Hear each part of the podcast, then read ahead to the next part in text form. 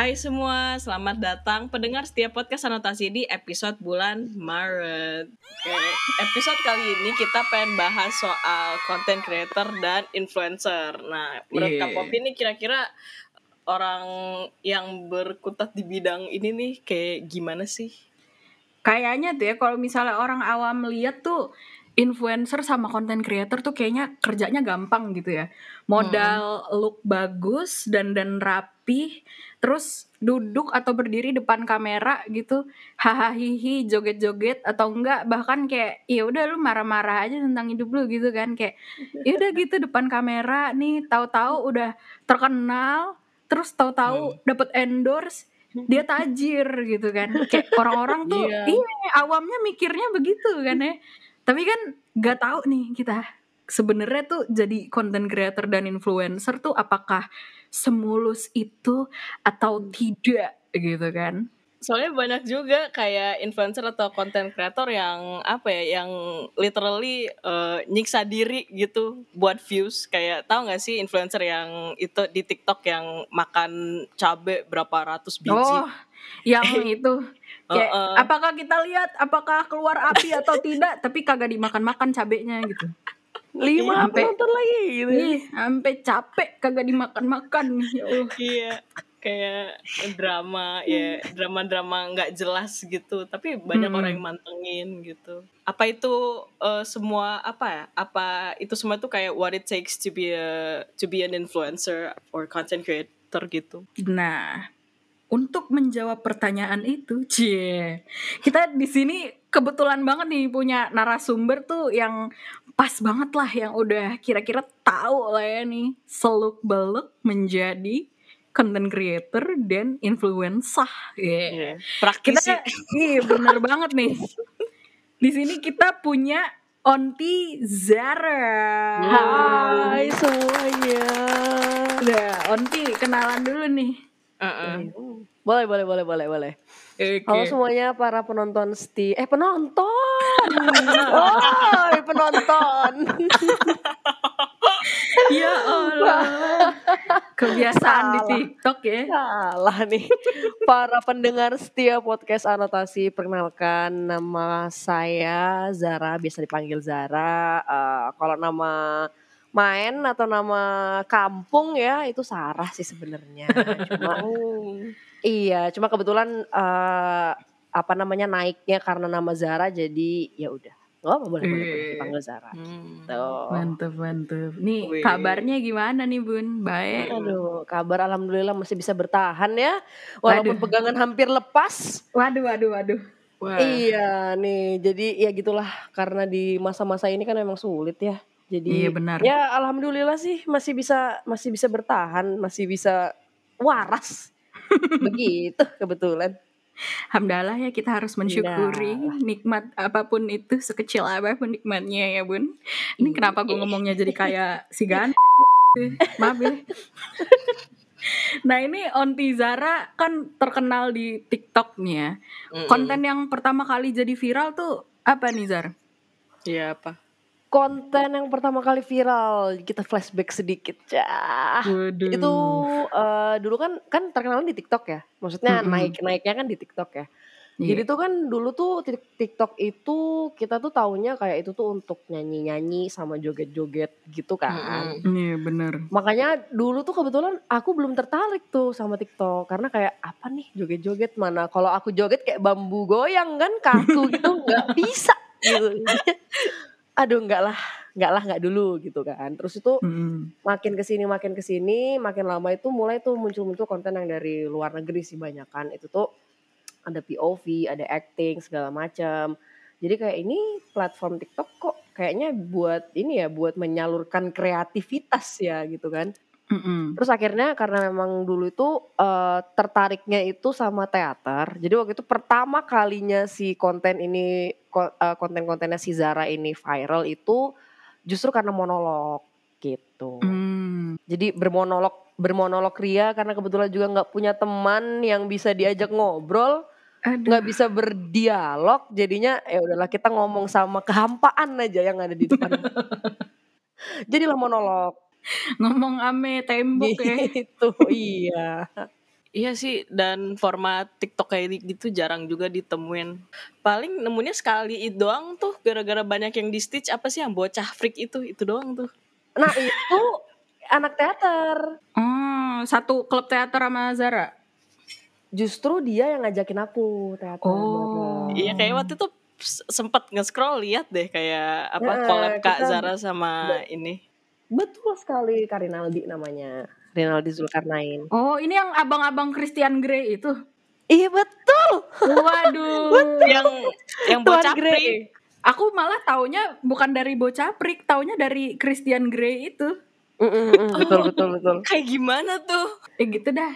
Dia punya apa ya? Dia tuh punya banyak karakter gitu loh sama kayak si kontenku. Dia tuh punya banyak karakter gitu. Dia juga Mm-mm. monolog. Terus tuh kebetulan yang kayak Christian Grey ini agak-agak sedaktif ya orangnya. Aha. Tapi ya ya gitulah. Ya gitulah. The best dah. Salam ya buat Mas Rinaldi. Mas Rinaldi kalau dengerin, saya penggemar Mas Christian Grey, balikin lagi dong. Iya. nah ini kita mau lanjut ke diskusi intinya dari segala inti gitu. Hmm. Pertanyaan pertama, kalau Zara sendiri ini apa ya?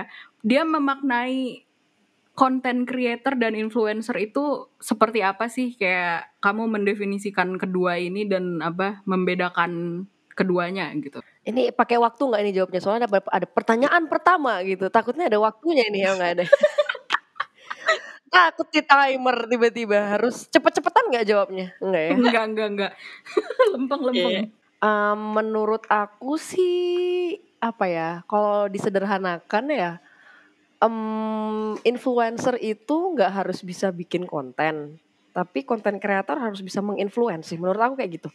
Hmm, gitu. Karena eh, misalnya influencer tuh bisa aja sih kayak misalnya ada timnya, maksudnya as in nggak nggak nggak nggak bikin konten itu kayak mereka- misalnya mereka punya tim atau misalnya mereka punya eh, tim kreatif juga, punya videografer, fotografer sendiri gitu Hmm, gitu iya maksudnya. benar. Jadi ada yang eh ngebuatin temanya mereka gitu, ngebuatin kontennya mereka gitu loh buat ide dan segalanya gitu. Cuma ya menurutku konten kreator karena memang mereka punya capability untuk membuat sebuah konten, jadinya mereka harus menurut aku harus bisa menginfluence kayak gitu loh. Jadi maksudnya kayak gimana ya?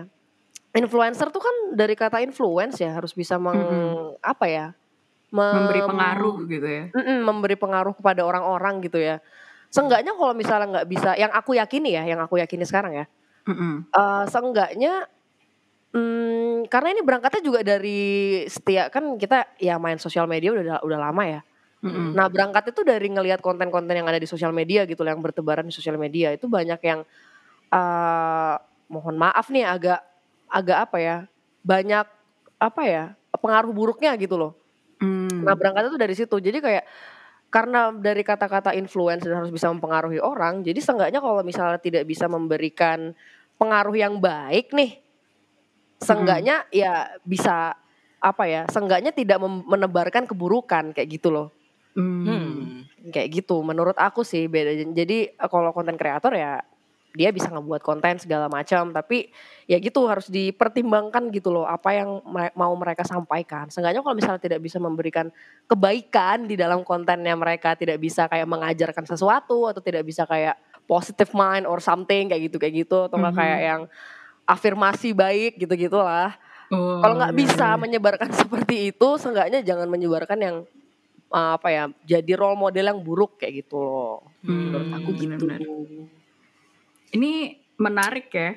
Eh, Kalau kita kan selama ini taunya kayak apa ya, nggak terlalu beda lah gitu content creator dan influencer. Tapi kalau yang Hmm. dari aku pelajarin sendiri emang ternyata emang benar ada bedanya gitu kayak katanya Zara gitu. Bener influencer itu kalau dari yang aku lihat-lihat gak harus mereka terampil dalam bikin konten, tapi yang Mm-mm. penting mereka bisa memberikan influence gitu kan. Biasanya betul. influencer tuh lebih ke menjual produk gitu kan. Makanya sekarang banyak banget nih ya apa kayak brand-brand besar gitu yang pakai influencer mau nyambung apa kagak sama produknya tapi tetap dipakai nih influencer karena mereka bisa mengajak orang untuk membeli gitu kan. Betul, Jadi betul, kayak betul. produk yang mereka pakai, mereka review. Ya udah Hmm. gitu. Kontennya siapa yang ngedit, siapa yang ngerekam, siapa yang ngatur lighting itu kita tidak tahu gitu ya. Hmm. cuman taunya dia influencer gitu Hmm. benar-benar tadi itu kata Zara nah kalau menurut Zara nih eh, apakah perbedaan konten creator sama influencer itu dipengaruhi nggak sih sama gender gitu kayak misalnya cowok lebih leaning eh, jadi konten creator gitu karena kerjanya kerja berat begadang edit segala macem dan cewek mungkin lebih ke influencer gitu karena cewek biasanya dilihat lebih persuasif gitu kan. Nah kalau Hmm. menurut Zara gimana nih? Kalau menurut aku ya itu apa ya dunia sosial media itu adalah dunia yang paling fair ya menurutku, menurutku ya menurutku. Mm-mm. Karena uh, bener-bener nggak terpaut sama gender, ter- tidak terpaut sama kekurangan-kekurangan kamu dan segala macam. Tapi di situ Mm-mm. juga bener-bener yang apa ya, yang orang-orang kalau ngehujat tuh sekalian gitu loh. Oh. Tapi eh, di satu sisi lain juga apa ya, semua orang mau itu mau kamu perempuan, mau kamu laki-laki, mau kamu dari background yang seperti apa, itu bisa gitu loh punya kesempatan yang sangat-sangat luas gitu untuk jadi konten kreator ataupun influencer begitu. Hmm. Jadi sih menurut aku apa ya eh, gender itu sangat-sangat tidak mempengaruhi Hmm. background apa pun kamu nggak sangat-sangat tidak mempengaruhi eh, kamu untuk jadi konten kreator ataupun influencer. Nah kalau Zara sendiri eh, apa ya merasa dirinya ya lebih bisa dikategorikan menjadi konten creator atau influencer nih kira-kira Zara? Kalau cantik aja boleh nggak? Waduh ya Nggak ya? Allah. Nggak gitu ya? Nggak gitu ya? Aduh gila, ma- wife material banget. Ya terserah sih. Kalau diriku sih lebih ke gimana ya mau disebutnya? Kayaknya sih aku sih eh, menyebut diriku konten kreator sih. Karena aku lebih eh, lebih bisa membuat konten nih walaupun juga sekarang agak-agak mulai menurun ya nih produktivitasnya dalam membuat konten Eh, dan aku juga ngerasa belum pantas sih kalau misalnya harus harus menginfluence orang gitu. Jadi Hmm. ya paling bisa sekarang yang aku lakukan adalah membuat konten tapi setidak-tidaknya adalah sedikit-sedikit eh, pesan-pesan yang disampaikan di dalam kontenku begitu. Hmm. Apa sih yang awalnya bikin Kak Zara tuh tertarik untuk terjun ke dunia internet ini? Apa emang pengen apa ya? Apa pengen menyalurkan kreativitas eh, atau mungkin pengen viral atau gimana gitu? Kalau itu sih sebenarnya gimana ya? Sebenarnya sih karena cuma pengen karena kan kita kan main sosial media nih, maksudnya dunia sosial media tuh udah mulai yang bener-bener gila-gilaan banget apalagi kemarin waktu awal-awalnya corona itu kan nggak tahu mau Mhm. ngapain ya. Mm-mm. Nah itu sih sebenarnya cuma pengen masuk ke dalam arusnya sosial media aja sih sebenarnya awalnya ya bukan yang pengen jadi viral atau nggak pengen pengen berbagi sesuatu nggak ada yang bisa kubagi soalnya kebetulan. nah itu aja. Sebenarnya cuma pengen terjun ke dalam ikut masuk ke dalam arusnya sosial media ke dalam internet fame segala macam dan ya udah cuma ngeliat aja gitu. Pengen memantau pengen ikutan langsung gitu. Jadi kayak kalau misalnya lagi ngobrol sama orang atau nggak kayak karena apa ya eh apa ya sosial media tuh mempengaruhi juga di real life bener-bener mempengaruhi gitu loh kayak misalnya apa yang lagi happening di sosial media itu pasti jadi bahan jadi topik obrolan gitu loh bener-bener Hmm, jadi iya, topik, bener. topik obrolan di real life nah kan kalau misalnya nggak kayak kayak berita-berita gitulah jadi kayak kalau misalnya nggak nggak ikutan masuk ke dalam tuh rasanya kayak ketinggalan information nih gitu Iya benar-benar benar. Kudat kudat. Kak Zara boleh nggak sih eh, ceritain eh, gimana sih eh, proses Kak Zara bikin apa bikin TikTok atau idenya tuh caranya tuh gimana gitu bisa dapatnya apa sih yang harus dilakuin gitu? Jadi tuh dulu eh, nggak dulu sih sebelum ini. Jadi aku tuh udah ngelewatin kayaknya udah ngelewatin tiga fase deh dalam caraku untuk ngebuat konten ya. Gimana tuh? Kayaknya ya, kayaknya. Jadi tuh yang eh, yang pertama banget, yang awal-awal awal-awal banget itu tuh bener-bener pure ngikutin eh, konten kreator luar negeri tapi ku Indonesia kan, ku translate gitu loh. Hmm, hmm, Awalnya tuh kayak gitu. Jadi bener-bener nge-scroll, bener-bener nyari dulu gitu kan, nggak belum berani menunjukkan apa ya, belum berani menunjukkan eh, ide sendiri.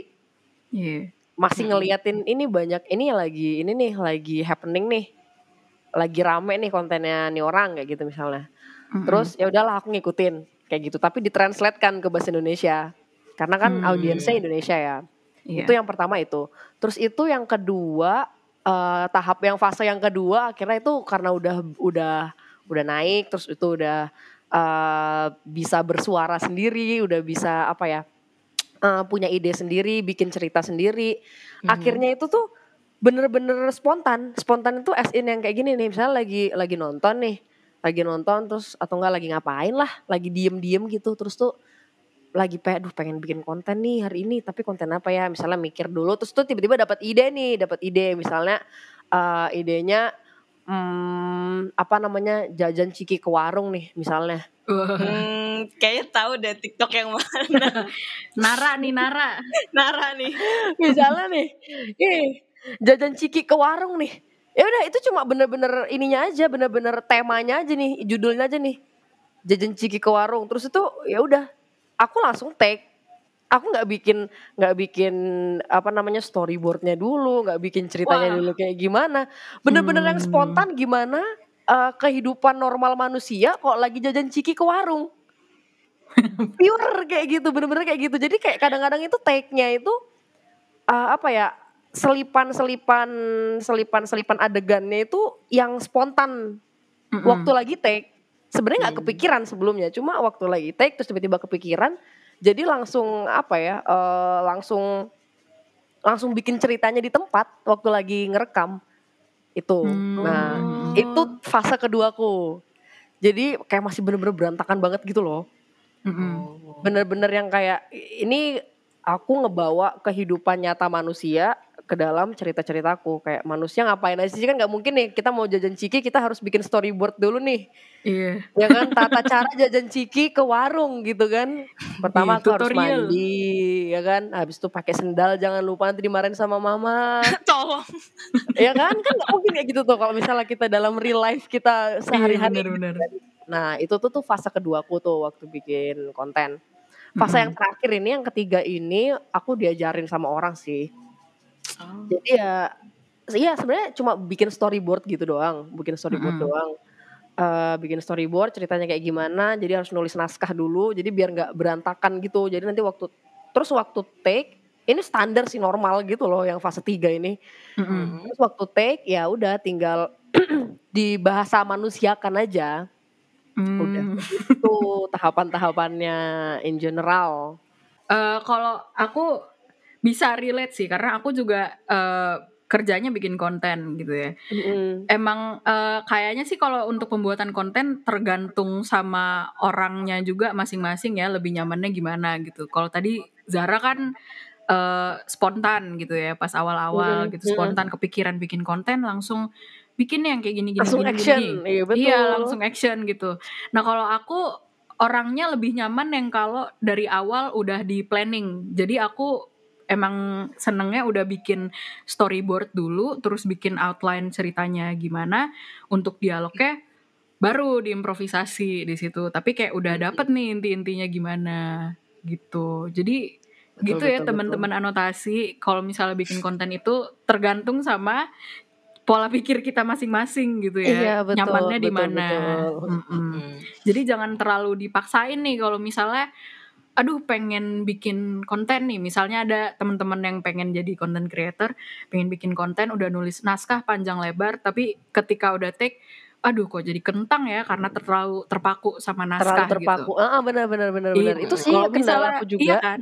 Heeh. Benar.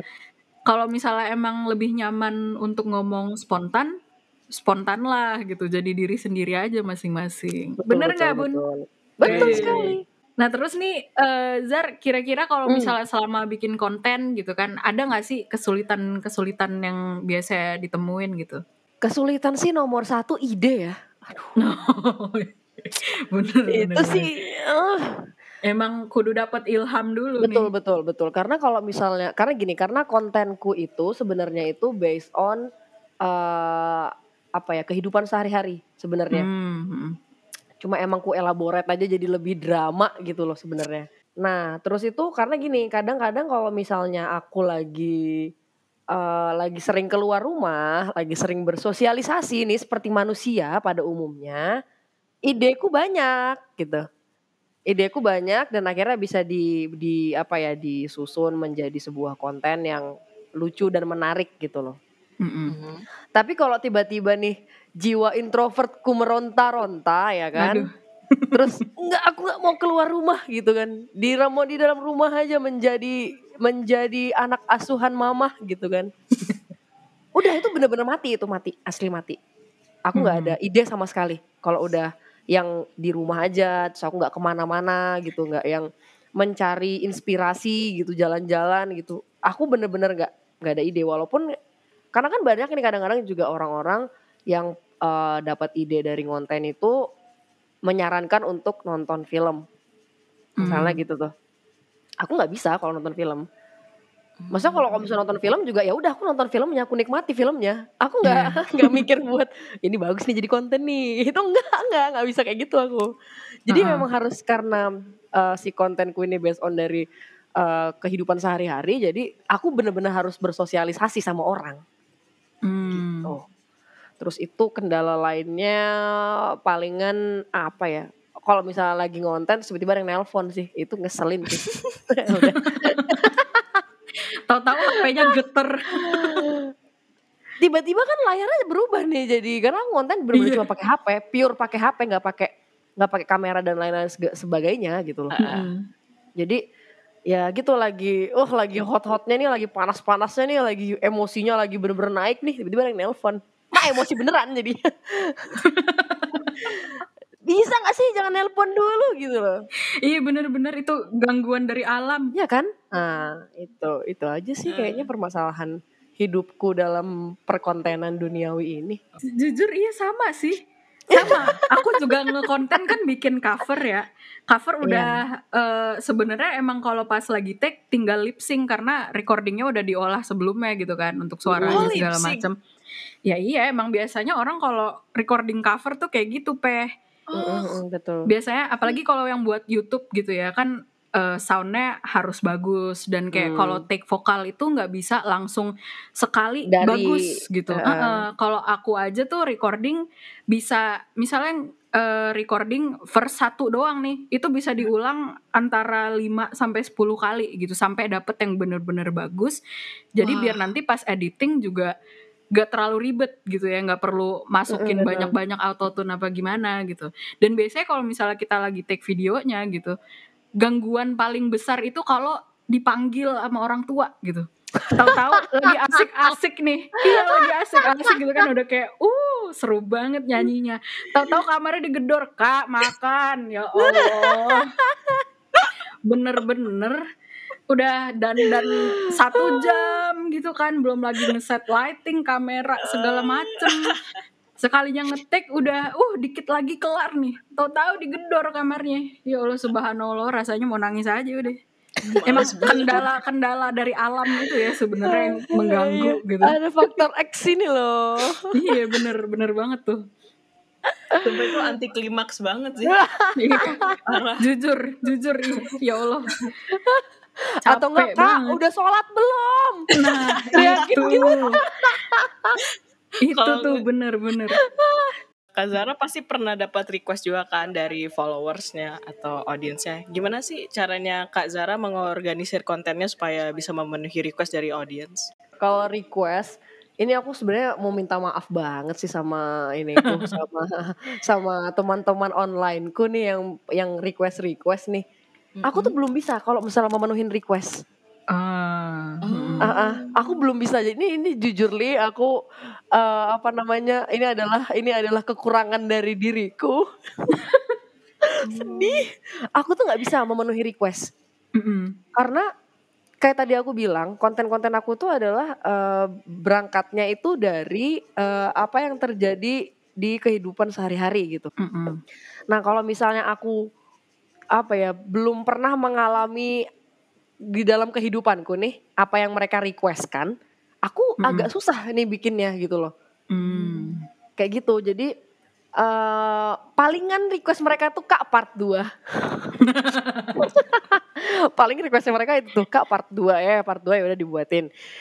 Eh juga sebenarnya tuh nggak pengen dibuatin part 2 nih, banyak kan juga kadang-kadang aku tuh nggak pengen buatin part 2 sebenarnya karena emang uh, videoku tuh satu-satu gitu loh. Jadi nggak yang bersambung biar orang juga nontonnya nggak kesel.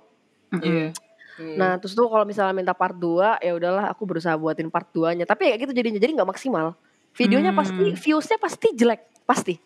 Nggak jelek sih maksudnya pasti jauh gitu loh di bawah dibandingkan uh, sama video yang pertamanya.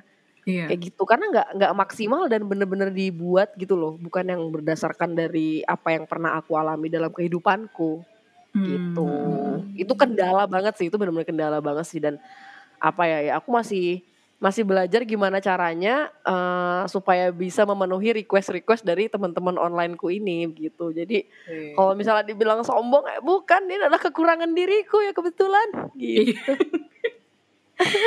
iya sih, request itu juga jadi salah satu yang menghindar untuk jadi lebih kreatif gitu. Padahal sebenarnya request dari orang itu bisa jadi pemicu kita buat mengeksplor hal-hal baru gitu kan. Hmm. Tapi kadang betul. kitanya yang kayak aduh gak bisa nih kayaknya aduh gitu kan kayak aku juga gitu tuh kalau bikin cover ntar ada yang request ngecover lagu dari band atau penyanyi yang aku nggak pernah dengerin gitu atau Iya. paling kayak cuman pernah denger lagunya satu dan bukan lagu yang di request gitu kan jadi kayak eh, eh. aduh berarti kudu belajar dari awal lagi dong nih lagunya aduh betul males betul dah ya Allah setuju gitu setuju setuju iya kan ujung-ujungnya requestnya jadi kayak aduh tar dulu dah tar dulu tar dulu Iya, nggak pernah dulu. dibikin Ah itu dia, itu dia benar benar. Maksudnya tuh juga niat hati ya, niat hati itu juga pengen kayak eh udah bentar dulu deh aku eh, aku mencari inspirasi dulu sembari mencari inspirasi bagaimana untuk mewujudkan requestnya teman-teman online ini.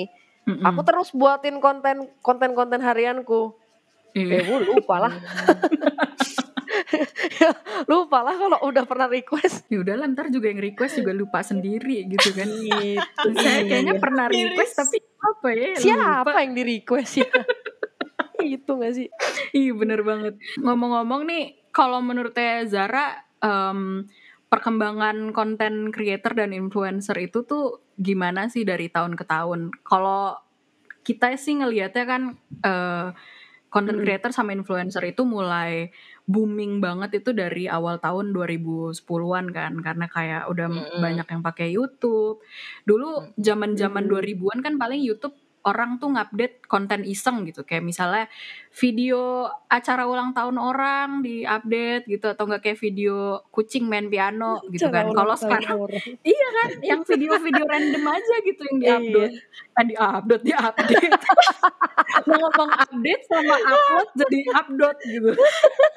Typo. Nah kalau dulu kayak gitu kan ya, tapi mulai Iya. orang-orang mulai beneran bikin konten itu ketika 2010-an gitu. Nah kalau Hmm. menurut Teh Zara dari 2010-an sampai sekarang tuh perkembangannya gimana sih Zar? perkembangannya menurut aku bagus banget ya karena em, sosial media itu adalah salah satu apa ya eh, sarana internet yang bisa dipakai dan dijangkau sama semua orang ya kan Mm-mm. Mm-mm. jadi makanya kenapa eh, kenapa aku menekankan di awal tadi yang influencer dan konten creator tuh kalau konten creator memang harus bisa menginfluence sebenarnya Hmm. karena orang-orang sudah bisa mengakses internet secara luas Mm. dan apa ya ini agak sedikit eh, edukasi sedikit ya boleh boleh. jadi apa namanya? em, waktu itu aku pernah riset soal apa permasalahan pemuda Indonesia yang terbesar eh, di maksudnya di masa-masa ini gitu loh. Pemuda ya, Mm-mm. maksudnya as in pemuda pemuda itu kayak umur-umuran kita lah gitu, yang masa-masa produktif banget gitu. Mhm. Jadi permasalahan mereka itu adalah eh, edukasi nomor satu. Ya itu udah udah sering lah kita dengar gitu kan. Mm. Terus itu dari situ eh, dikaitkan sama penggunaan internet dari pemuda-pemuda itu sendiri gitu kan. Mm-mm. Dan masalahnya ed- edukasi di edukasi di Indonesia itu untuk ke pemudanya itu eh, penyalurannya itu masih rendah sekali di bawah 50% gitu loh. Maksudnya kayak Hmm. duduk di bangku SMA, kayak bahkan yang kuliah aja, yang berkuliah aja itu tuh cuma 10% gitu loh dari pemuda Indonesia keseluruhan. Mm-mm. Bayangin 10% gitu. Kayak kita udah ngerasa kayak kalau misalnya kita masuk kampus dulu ospek gitu bersama dengan 15.000 ribu orang kayak banyak banget nih orang-orang di sini gitu kan. Iya. Tapi ternyata cuma 10% gitu dari secara keseluruhan data apa namanya pemuda-pemuda yang berkuliah gitu kan. Mm-mm. Eh, tapi penggunaan internet itu maksimal apalagi data yang terakhir kemarin yang 2021 eh ya 2021 benar 2021 itu tuh udah 90% gitu loh penggunaan internet o- apa dari pemuda-pemuda gitu. Jadi Mhm. menurutku itu juga bisa jadi salah satu sarana untuk menyebarkan edukasi. Nah, makanya kenapa konten kreator tuh harus bisa menginfluence Hmm, di situ. Jadi apalagi makin ke sini makin ke sini ya eh, dari tahun 2010 lalu terus sama sekarang gitu kan. Itu perkembangannya udah amat sangat bervariasi gitu. Jadi ba- udah banyak orang-orang yang udah banyak influencer-influencer yang memberikan eh, apa ya suguhan-suguhan yang menarik dan eh, bermanfaat gitu. Jadi ya menurut aku sih sekarang udah apa ya internet itu bagus banget gitu loh untuk eh, untuk perkembangan untuk perkembangan di pemuda-pemuda di Indonesia sendiri kayak gitu. Mm-mm. Itu menarik sih tadi yang dibilang sama Zara gitu kayak perkembangannya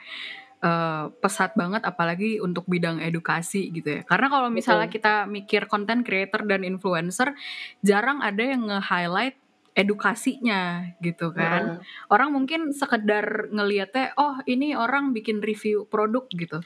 Tapi Heeh. nggak tahu kalau sebenarnya dalam review produk itu sendiri ada yang diajarkan gitu kan kayak kalau pakai ini eh, pakainya tiap malam dan siang gini gini gini gini dan urutan skincare-nya gini gini gini gitu ya. Orang Mhm. nggak ada gitu, cuman kayak ngelihatnya oh produknya bagus, oke beli dah gitu. Jarang ada Mhm. yang realize kalau ini tuh juga sebenarnya edukatif gitu. Dan apalagi Betul. sekarang tuh sering banget ya kita lihat itu em, isu-isu kayak yang dulu dianggapnya sangat sensitif dan jadi jarang dibicarakan kayak Nah, itu isu gender tuh. dan isu mental health gitu kan. Kalau dulu tuh karena jarang dibicarakan gitu ya, jadi kita dan in, apa sosial media juga perkembangannya belum sebesar sekarang. Jadi kayak kalau misalnya kita mau cari topik bahasan yang seperti ini, paling kita datangnya kan ke seminar gitu ya, Mhm, ke open class atau gimana, atau kita belajar sendiri gitu, kuliah mhm, betul. sosi apa apa apa teh psikologi gitu. Psikologi. Kalau sekarang kan content creator udah banyak nih kan yang bikin Iya, konten benar. bahas mental health gitu. Mhm, benar. Itu nih edukasi jarang gitu. Apalagi juga maksudnya tuh kadang-kadang direlatekan sama apalagi yang kayak misalnya influencer nih. Influencer kan pasti mereka bisa berbicara ya, maksudnya berbicara Mm-mm. dengan dengan apa ya tata bahasa yang bagus dan mudah dimengerti sama orang-orang gitu loh. Dan Iya benar. kita semua kan ya basically manusia sama ya kan maksudnya ya kita manusia gitu loh Eh, Mm-mm. walaupun kita tidak punya ilmu di bidang itu tapi kan kita mengalaminya gitu loh. Hmm, mm-mm. kita mengalaminya gitu loh walaupun kita tidak punya kemampuan di situ di bidang di bidang itu nih misalnya ya anggaplah mental health lah. Kita nggak punya kemampuan di bidang itu tapi kita juga merasakannya gitu kan. Nah Mm-mm. the most powerful act apa ya di di dunia ini tuh adalah storytelling ya Iya, kan? iya, jadi eh, banyak juga nih influencer-influencer ini walaupun mereka tidak punya kemampuan di bidangnya tapi storytelling mereka tentang mental health yang mereka rasakan itu tuh membuka mata orang banyak gitu loh Mm-mm, jadi oh iya iya benar. ternyata aku galau ini tuh ternyata ternyata ada yang lainnya gitu loh bukan kayak galau nggak jelas gitu kan kenapa nih galau nih benar, Kak? benar. karena apa ya karena pembahasan ini tuh amat sangat sensitif jadi kan kita nggak bisa me, apa ya mendeskripsikan perasaan kita sendiri gitu loh. Masalah kita yang punya badan tapi kok kita yang nggak tahu diri kita ini ada apa nih sebenarnya nih. Iya benar. tapi kan benar karena nih eh, teman-teman influencer nih yang punya kemampuan hebat ini dalam berstorytelling nih eh, dan walaupun mereka tidak punya kemampuan di bidangnya tapi cara mereka bercerita tentang apa yang mereka rasakan, apa yang mereka alami, apa yang mereka lihat itu tuh bisa menyadarkan orang banyak gitu lah yang benar-benar zero pengetahuan tentang hal itu dan tidak tahu bagaimana cara menceritakannya gitu. Mm-mm. Itu tuh pentingnya apa ya kayak bagus bangetnya dari influencer storytelling Iya, mereka benar-benar. itu. Iya. Tapi kadang apa ya, kadang kita tahu teredukasi sama misalnya kayak isu mental health atau Mm-mm. isu tentang apa gitu. Itu gara-gara orang yang eh, ngefake soal itu kayak misalnya nih kan ada nih kayak Tourette syndrome sama tics. Hmm, Iya, Dan iya. banyak banget TikToker yang ngefake eh, mereka punya Iya, Tourette mereka punya. atau tics gitu. Nah, justru padahal kan dia kan cuma nyari cloud kan, jelas-jelas Hmm. banget. Tapi kita jadi tahu kayak oh jadi itu tics itu Ada Tourette. Iya. ininya. Heeh. Jadi Iya, kayak iya, kebalikan gitu. Even dari hal yang problematic se- sampai kayak nge-fake mental conditions juga kita belajar banyak gitu ya. Betul, Iya. betul. Mantep ya, orang-orang tuh selama Mm. ini mengesampingkan content creator dan influencer cuman dikira kerjanya gampang tapi sebenarnya mereka juga Hmm. bawa pengaruh yang besar sebenarnya ya. Kalau sadar ya Mhm. mereka tuh punya dampak yang besar terhadap apa namanya para pengguna sosial media, harusnya sih mereka lebih aware nih terhadap apa yang mereka buat. Bener Mm-mm. Karena aku nggak bisa menginfluence nih, makanya seenggaknya aku bikin konten yang tidak Oke. tidak membawa keburukan gitu. Yang paling nggak bikin orang gitu. bahagia lah ya, bikin Iya, ketawa. seminim-minimnya itu bikin ya ketawa lah udah. itu aja yang itu aja target target hidupku gitu dalam bikin konten. Nah, iya Mm-mm. bener banget. Soalnya kan kayaknya akhir-akhir ini ada ya influencer eh, nggak tahu ya entah itu influencer atau content creator yang kemakan omongannya diri sendiri karena dia baru aja ditangkep kan. Waduh. Jadi gibah. Sorry. Seperti kita tahu siapa ya, tapi tidak usah Betul, disebut. tapi kan akhirnya akhirnya jadi apa ya mengedukasi orang tentang melek ekonomi, Iya, Nah, bener. ya kan? Dan itu adalah Benar. hal yang penting gitu loh untuk Mm-mm. eh, apa namanya? Kalau misalnya kita mau maju, kita harus paham loh soal ekonomi. Seenggaknya yang paling dasar-dasar lah kayak gitu. Seenggaknya Mm-mm. tidak mudah dibohong-bohongi gitu loh. Masalahnya Iya, di benar. Indonesia sekarang babi ngepet juga masih menjadi sebuah topik yang hangat gitu loh. Kok masih aja orang-orang percaya gitu loh. Nah, kalau dari ngomongin konten itu tadi aja nih, kita kan jadi tahu ya kalau misalnya bikin konten itu eh, harus ada plus minusnya in a way yang kayak kalau misalnya eh, saya kurang di bagian ini, berarti saya harus plus di bagian yang lain. Misalnya nih, kayak ada konten creator atau influencer yang mungkin merasa dirinya berpenampilan kurang menarik gitu. Pasti kan harus ada yang ditambahin gitu kan, kayak misalnya oh kalau gue nggak good looking berarti gue harus lucu nih biasanya tuh Iya. selalu larinya ke humor gitu kan harus lucu jadi harus ada plus minus ya nah eh, kalau bahas soal itu nih menurut Zara sendiri kira-kira nih beauty privilege itu di dunia internet ini itu masih ada atau enggak enggak ya dan kira-kira tuh sebesar apa sih pengaruhnya Beauty privilege, beauty privilege itu kayaknya sih kalau beauty privilege ya, Mm-mm. itu tuh kayaknya sampai sekarang tuh mau di mana pun juga masih ada sih.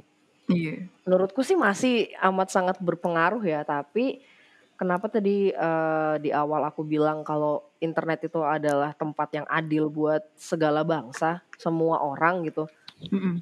Maksudnya eh, as in kalau misalnya pun eh, kamu nggak beauty, tapi kamu punya kualitas entah apa pun itu, tetap aja kamu bakalan apa ya, bakalan jadi role model yang baik gitu buat orang-orang. Gitu. Tapi tetap aja sih maksudnya eh, beauty apa namanya beauty privilege itu pasti ada gitu loh, pasti ada. Tapi internet itu adalah tempat yang adil. Jadi Hmm, siapa pun pasti pasti bisa sukses di eh, internet as kalau misalnya eh, kamu punya sesuatu yang bisa kamu bagikan gitu kepada orang. Bener sih.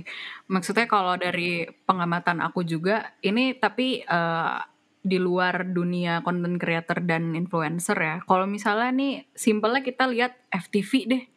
FTV mm. Indonesia gitu. Kalau misalnya ada aktor atau aktris yang kurang good looking, mungkin dia eh, tipe badannya yang plus size gitu. Mhm. Pasti dia akan selalu dapat peran jadi bestinya si Ya, karakter utama. utama. gitu kan Gak pernah gitu kita lihat ada yang jadi karakter utamanya nih orang yang plus size gitu kan jarang-jarang banget gitu jadi bener pri- beauty privilege itu pasti ada dan gak cuman di dunia internet aja gitu nah Mm-mm. eh, selain beauty privilege sendiri itu ada nggak sih Zar eh, apa Hmm. stigma lain gitu yang dihadapin sebagai content creator dan influencer Iya. Kayak di awal tadi misalnya mungkin kayak ah influencer kan cuma duduk doang nampang gitu. Gimana ya? Sebenarnya sih masih sih. Tapi Hmm. itu gimana caranya eh gimana caranya si konten kreator atau influencer itu sendiri em, membranding dirinya sebenarnya. Sebenarnya balik lagi ke branding sih. Gimana cara mereka nge-branding dirinya? Ketika soalnya ada juga nih eh, siapa ya kemarin ada komika, ada komika eh, dia itu nggak sengaja jadi dia udah ya udah stand up segala macam bla bla bla terus tuh suatu hari ada stand up dia yang dia itu berlaga seperti em, agak sedikit kemayu dia cowok nih terus Hmm. dia ber- berlaga kemayu lah kayak kewanita-wanitaan gitulah Iya. Itu tiba-tiba naik nih rating dia waktu dia uh, stand up dengan gaya seperti itu. Akhirnya dari situ dia uh, apa ya? Dia begitu terus caranya dia stand up. Hmm. Nah, akhirnya jadi uh, apa ya? Orang-orang jadi mikir kayak oh nih orang emang emang kemayu, emang cowok kemayu gitu loh. Padahal enggak, dia sebenarnya enggak kemayu.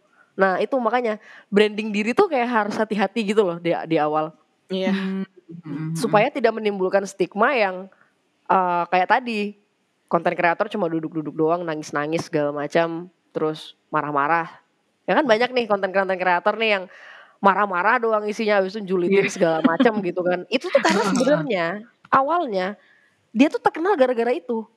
Akhirnya dia nggak bisa lagi keluar dari situ. Ah ya benar-benar. jadi itu waktu itu juga pernah ada apa ya wawancaranya Nikita dia dia pernah bilang kayak gini kalau misalnya gue lagi julid lo pada jangan kemakan sama omongan gue ya karena gue dari situ nyari duitnya sebenarnya gue gak ada masalah apa-apa kayak gitu loh Iya, Ah, ya. benar. ah ah, benar jadi itu karena memang awal-awalnya waktu dulu-dulu itu kan konten kreator itu tuh ya apa ya eh, review produk tapi sebelumnya review produknya itu mereka tidak dibayar Hmm. karena memang mereka kebetulan suka belanja gitu kan apalagi Iya. kayak review outfit nih orang-orang yang review outfit itu tuh mereka yang memilih untuk uang bulanannya habis buat belanja baju daripada makan Hmm, hmm. kayak gitu karena memang mereka hobinya belanja baju gitu loh, dan itu tidak bisa disalahkan akhirnya mereka suka belanja baju dan mereka suka mi- mix and match baju-baju mereka dan mereka merasa puas di situ dan itu memang adalah sebuah keahlian loh nggak semua orang loh bisa mix and match baju dan itu Iya, keren banget benar. menurutku Mm-mm. Ya Benar kan? banget. Hmm, benar kan Iya. Nah, habis itu dari situ dia cobalah ngebuat ngebuat sebuah konten dan akhirnya kebetulan booming meledak gitu. Nah, itu. Jadi orang-orang pasti mikir eh, mikirnya kayak ini ngapain sih cuma review-review baju doang tapi bisa bisa jadi konten kreator terus bisa dibayar, di endorse segala macam. Padahal tidak tahu. Coba Anda yang mix and match baju bisa nggak? Kayak Hmm. gitu. Jadi emang brandingnya sih, branding diri dari awalnya kayak gimana gitu loh Iya benar. harus hati-hati branding tuh. Nah kebetulan aku juga kayak gitu nih. Semua orang jadi mikir kayak ini anak mafia beneran apa gimana nih? Demi apa? Beneran? Eh, asin beneran kayak kak kamu temennya di mana-mana ya kak kamu beneran mafia gak sih dan ini aku pikir pertanyaan satu dua ini tuh pertanyaan kayak pertanyaan bercanda gitu loh dari para teman-teman online Ah, Kata enggak mereka tuh serius seminit gitu loh nanyanya tuh bener-bener yang kayak apa ya? Kak ini kakak ini beneran mafia gak sih? Nggak mungkin dong aku mafia dan ku pampangkan di sosial media ya kan? Yang ada tinggal nama. Ih, itu dia makanya. Kalau misalnya memang aku beneran mafia dan aku posting nih di hari pertama besok udah nggak ada lagi kontenku mungkin karena sudah udah sudah ketahuan nih dari intel intel nih di mana lokasinya Seorang-orangnya juga nggak ada. itu dia makanya Ya Gitu. Aduh, bener. Iya ya, emang kayak eh, stigma itu juga kadang terbentuk karena orangnya iya sendiri. dari orangnya gitu. sendiri sebenarnya bener Hmm, bener. Apalagi kayak kalau misalnya tadi artis yang udah disebutin tuh Mbak Terus eh, kayak ya contoh gampangnya tuh kalau dari dunia influencer dan content creator ya Al terkenalnya kan gara-gara viral banget tuh yang gara-gara dia video nangis, nangis itu kan. nangis ah. Terus habis itu orang tahu lifestyle-nya dia gimana, akhirnya sampai sekarang ya di brandingnya jadi cewek bandel gitu ya dalam iya, tanda benar, kutip. benar. Mm-mm, sampai Mm-mm. akhirnya dia bikin lagu sindiran dua tuh kan yang apa ya, yang sama yang tuh apa sih Mm-mm. judulnya yang update itu sama yang video klipnya dia naik kuda pakai BH Gimana beres? Mm-mm, akhirnya sampai dia udah ah capek banget nih orang-orang kenapa sih ngelihatnya jelek-jeleknya mulu bagusnya kagak ada yang dilihat gitu sampai Hmm. akhirnya disindir sama dia lewat lagu gitu aduh aduh aduh gitulah Nah, terakhir nih. eh Kak Zara ada pesan nggak kira-kira buat pendengar podcast anotasi yang pengen jadi content creator atau influencer gitu? Kayak mungkin kayak kuat-kuat ya eh, ngeliat komen di TikTok atau gimana gitu. Kalau pesan untuk yang mau memulai jadi konten kreator, eh mulailah, mulai aja nih, mulai aja. Terus itu eh sama sih semua hal itu pasti mulai aja dulu ya nggak sih? Mm-mm. Mulai aja dulu. Terus itu eh gini, kalau misalnya memang mau jadi konten kreator, em, ada sih satu hal yang aku pelajari dan itu sulit sebenarnya. Itu Apa-apa? menurutku sulit menurutku sulit. Jadi ya kan aku sering nih kayak uh, lagi ngobrol-ngobrol sama teman-teman yang sesama konten kreator gitu terus itu sharing-sharing gitu kan. Maksudnya tuh dari dunia selling juga dari dunia apa ya penjualan dari dunia yang kayak gitu lah digital marketing segala macam itu Hmm. tuh hal yang dipelaj yang harus dipelajari untuk jadi konten kreator yang oke dan bagus itu adalah belajar untuk storytelling sih. Hmm. Jadi seorang storyteller tuh susah. Maksudnya eh, apa ya? Konten-konten yang menginfluence sekarang tuh kan juga banyak nih konten-konten yang ngebahas soal basic ekonomi nih. Mm-mm. Kalau mereka ngajarinnya kayak lecture di kampus itu pasti orang-orang nggak ada yang mau nonton gitu. Mm-mm. Tapi Hmm. bagusnya influencer-influencer ini mereka tuh storytellingnya bagus. Jadi orang-orang tuh mau mendengarkan sampai habis. Nah dan itu adalah poin yang paling penting ya. Jadi eh, apa ya? Kalau mau jadi content creator, menurutku sih harus belajar untuk storytelling. Jadi nggak ada Hmm. semuanya yang instan tuh nggak ada. Kalau misalnya memang mau jadi content creator yang serius, belajarlah untuk mendapatkan skill baru. Harus punya skill baru. Dan Hmm, yang iya paling skill yang skill yang nomor satu nih storytelling dulu deh gitu baru tuh nanti cari apa sih yang mau kamu buat kayak gitu Eh, ngomong-ngomong soal storytelling dan bahasan inti dari sebuah konten, eh, aku jadi inget kemarin aku sempat scroll FYP TikTok terus nemu eh, konten video soal bahas eh, anatomi pria nih gitu, Mm-mm. bahas something lah ya gitu. Yang sebenarnya bahasan ini paling ya kita temuin di kelas biologi lah ya. kedokteran Tapi lah ya dikemasnya itu lucu banget gitu. Jadi orangnya Mm-mm. storytellingnya itu pakai em, apa sih bahasan-bahasan yang lagi trending sekarang oh aku gitu. tahu deh ini kayaknya si dokter itu bukan sih Iya dokter sih kayaknya dia ya. Tapi pokoknya dia eh, menganalogikannya itu sebagai eh, senjata buaya darat gitu. iya iya iya Oh, iya iya Iya yang Tahu, itu. oh tahu kan aku tahu aku Iya. tahu dokter ini Iya, jadi bahasannya tuh lucu gitu. Jadi yang awalnya sebenarnya aku ngeliatnya kayak ini kan udah pernah dibelajarin ya dari SD kelas 6 sampai SMP, SMA ketemu lagi gitu. Tapi karena Hmm. kontennya dikemasnya dengan lucu dan sangat baik, jadi akhirnya aku nonton lagi sampai habis gitu dan kayak dan Oh, itu seru ternyata- kan dan jadi dapat ilmu yang lebih baru lagi soal Ah, benda itu betul, gitu. betul betul betul betul itu sekalian nge- ngehindarin censorship gak sih biar gak di take down. Iya, Jadi tapi bahasanya Benar, juga benar. efek positifnya tuh di situ. Orang jadi Nah. mantengin kontennya. Heeh, benar-benar dan itu mengedukasi gitu loh plusnya lagi dan itu mengedukasi. Itu loh yang apa ya yang susah. Itu susah loh kayak gitu tuh. Nggak gampang nggak mudah loh buat kayak gitu tuh untuk jadi eh, apa namanya seorang konten kreator ataupun influencer yang bisa storytelling plus ngasih plus plusan gitu loh. Itu susah gitu. Makanya jadi Hmm. konten kreator atau influencer itu sebenarnya membawa apa ya membawa tanggung jawab yang berat juga gitu. Hmm, iya benar, benar banget. ini seru banget ya ini kita ngobrolnya kayak akhirnya dari obrolan-obrolan ini nih kita jadi ada lah ya satu dua stigma yang terpatahkan tentang Hmm. content creator gitu. Kalau Hmm. kita mikirnya paling eh gampang lah jadi orang terkenal di internet mah tinggal ngadi-ngadi aja gitu. Padahal sebenarnya di balik sebuah konten itu ada perjuangannya gitu kayak dari mulai mikir ide, Betul mulai. Belum lagi proses bikin videonya, take editing segala macem, even nge-upload pun kita juga harus mikir caption apa ya yang kira-kira menarik gitu Nah, kan. betul banget. Iya betul. Nah, iya gitu. Nah, em, karena ini banyak banget informasi yang kita dapatkan, jadi sebagai penutup kita em, berharapnya sih ya dari sini teman-teman pendengar podcast anotasi em, bisa apa ya mengambil hikmah dari segalanya gitu. Hikmah. Aduh hikmah banget gak tuh. Semoga ber- bermanfaat ya buat teman-teman pendengar anotasi. Eh, apalagi kalau misalnya ada yang pernah nih pengen eh, jadi content creator dan influencer. Itu tadi kata ya Zara, mulai aja dulu. Yang penting yakin gitu. Gak usah mikir, aduh bakal viral gak ya? Viewsnya banyak gak ya? Gak usah mikir gitu dulu lah ya bun. Hmm, betul. Bismillah aja dulu pokoknya. Nah, eh, ini sebelum kita babai-babai, kira-kira dari Zara adakah yang mau dipromosikan? Misalnya follow TikTok aku ya gitu.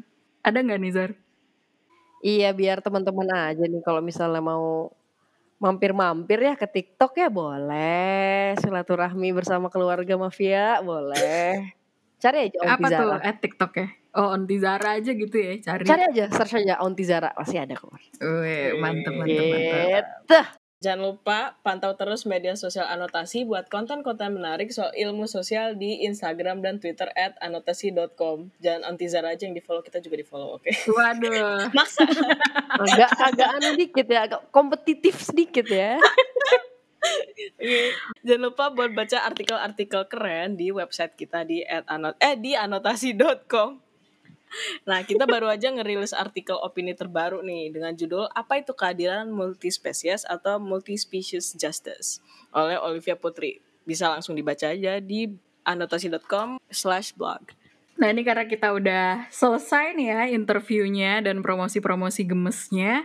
Iya. Eh, akhirnya kita telah sampai di penghujung acara. Kalau begitu akhir kata kita host dan narasumbernya Onti Zara mau pamit dulu. Ya, man.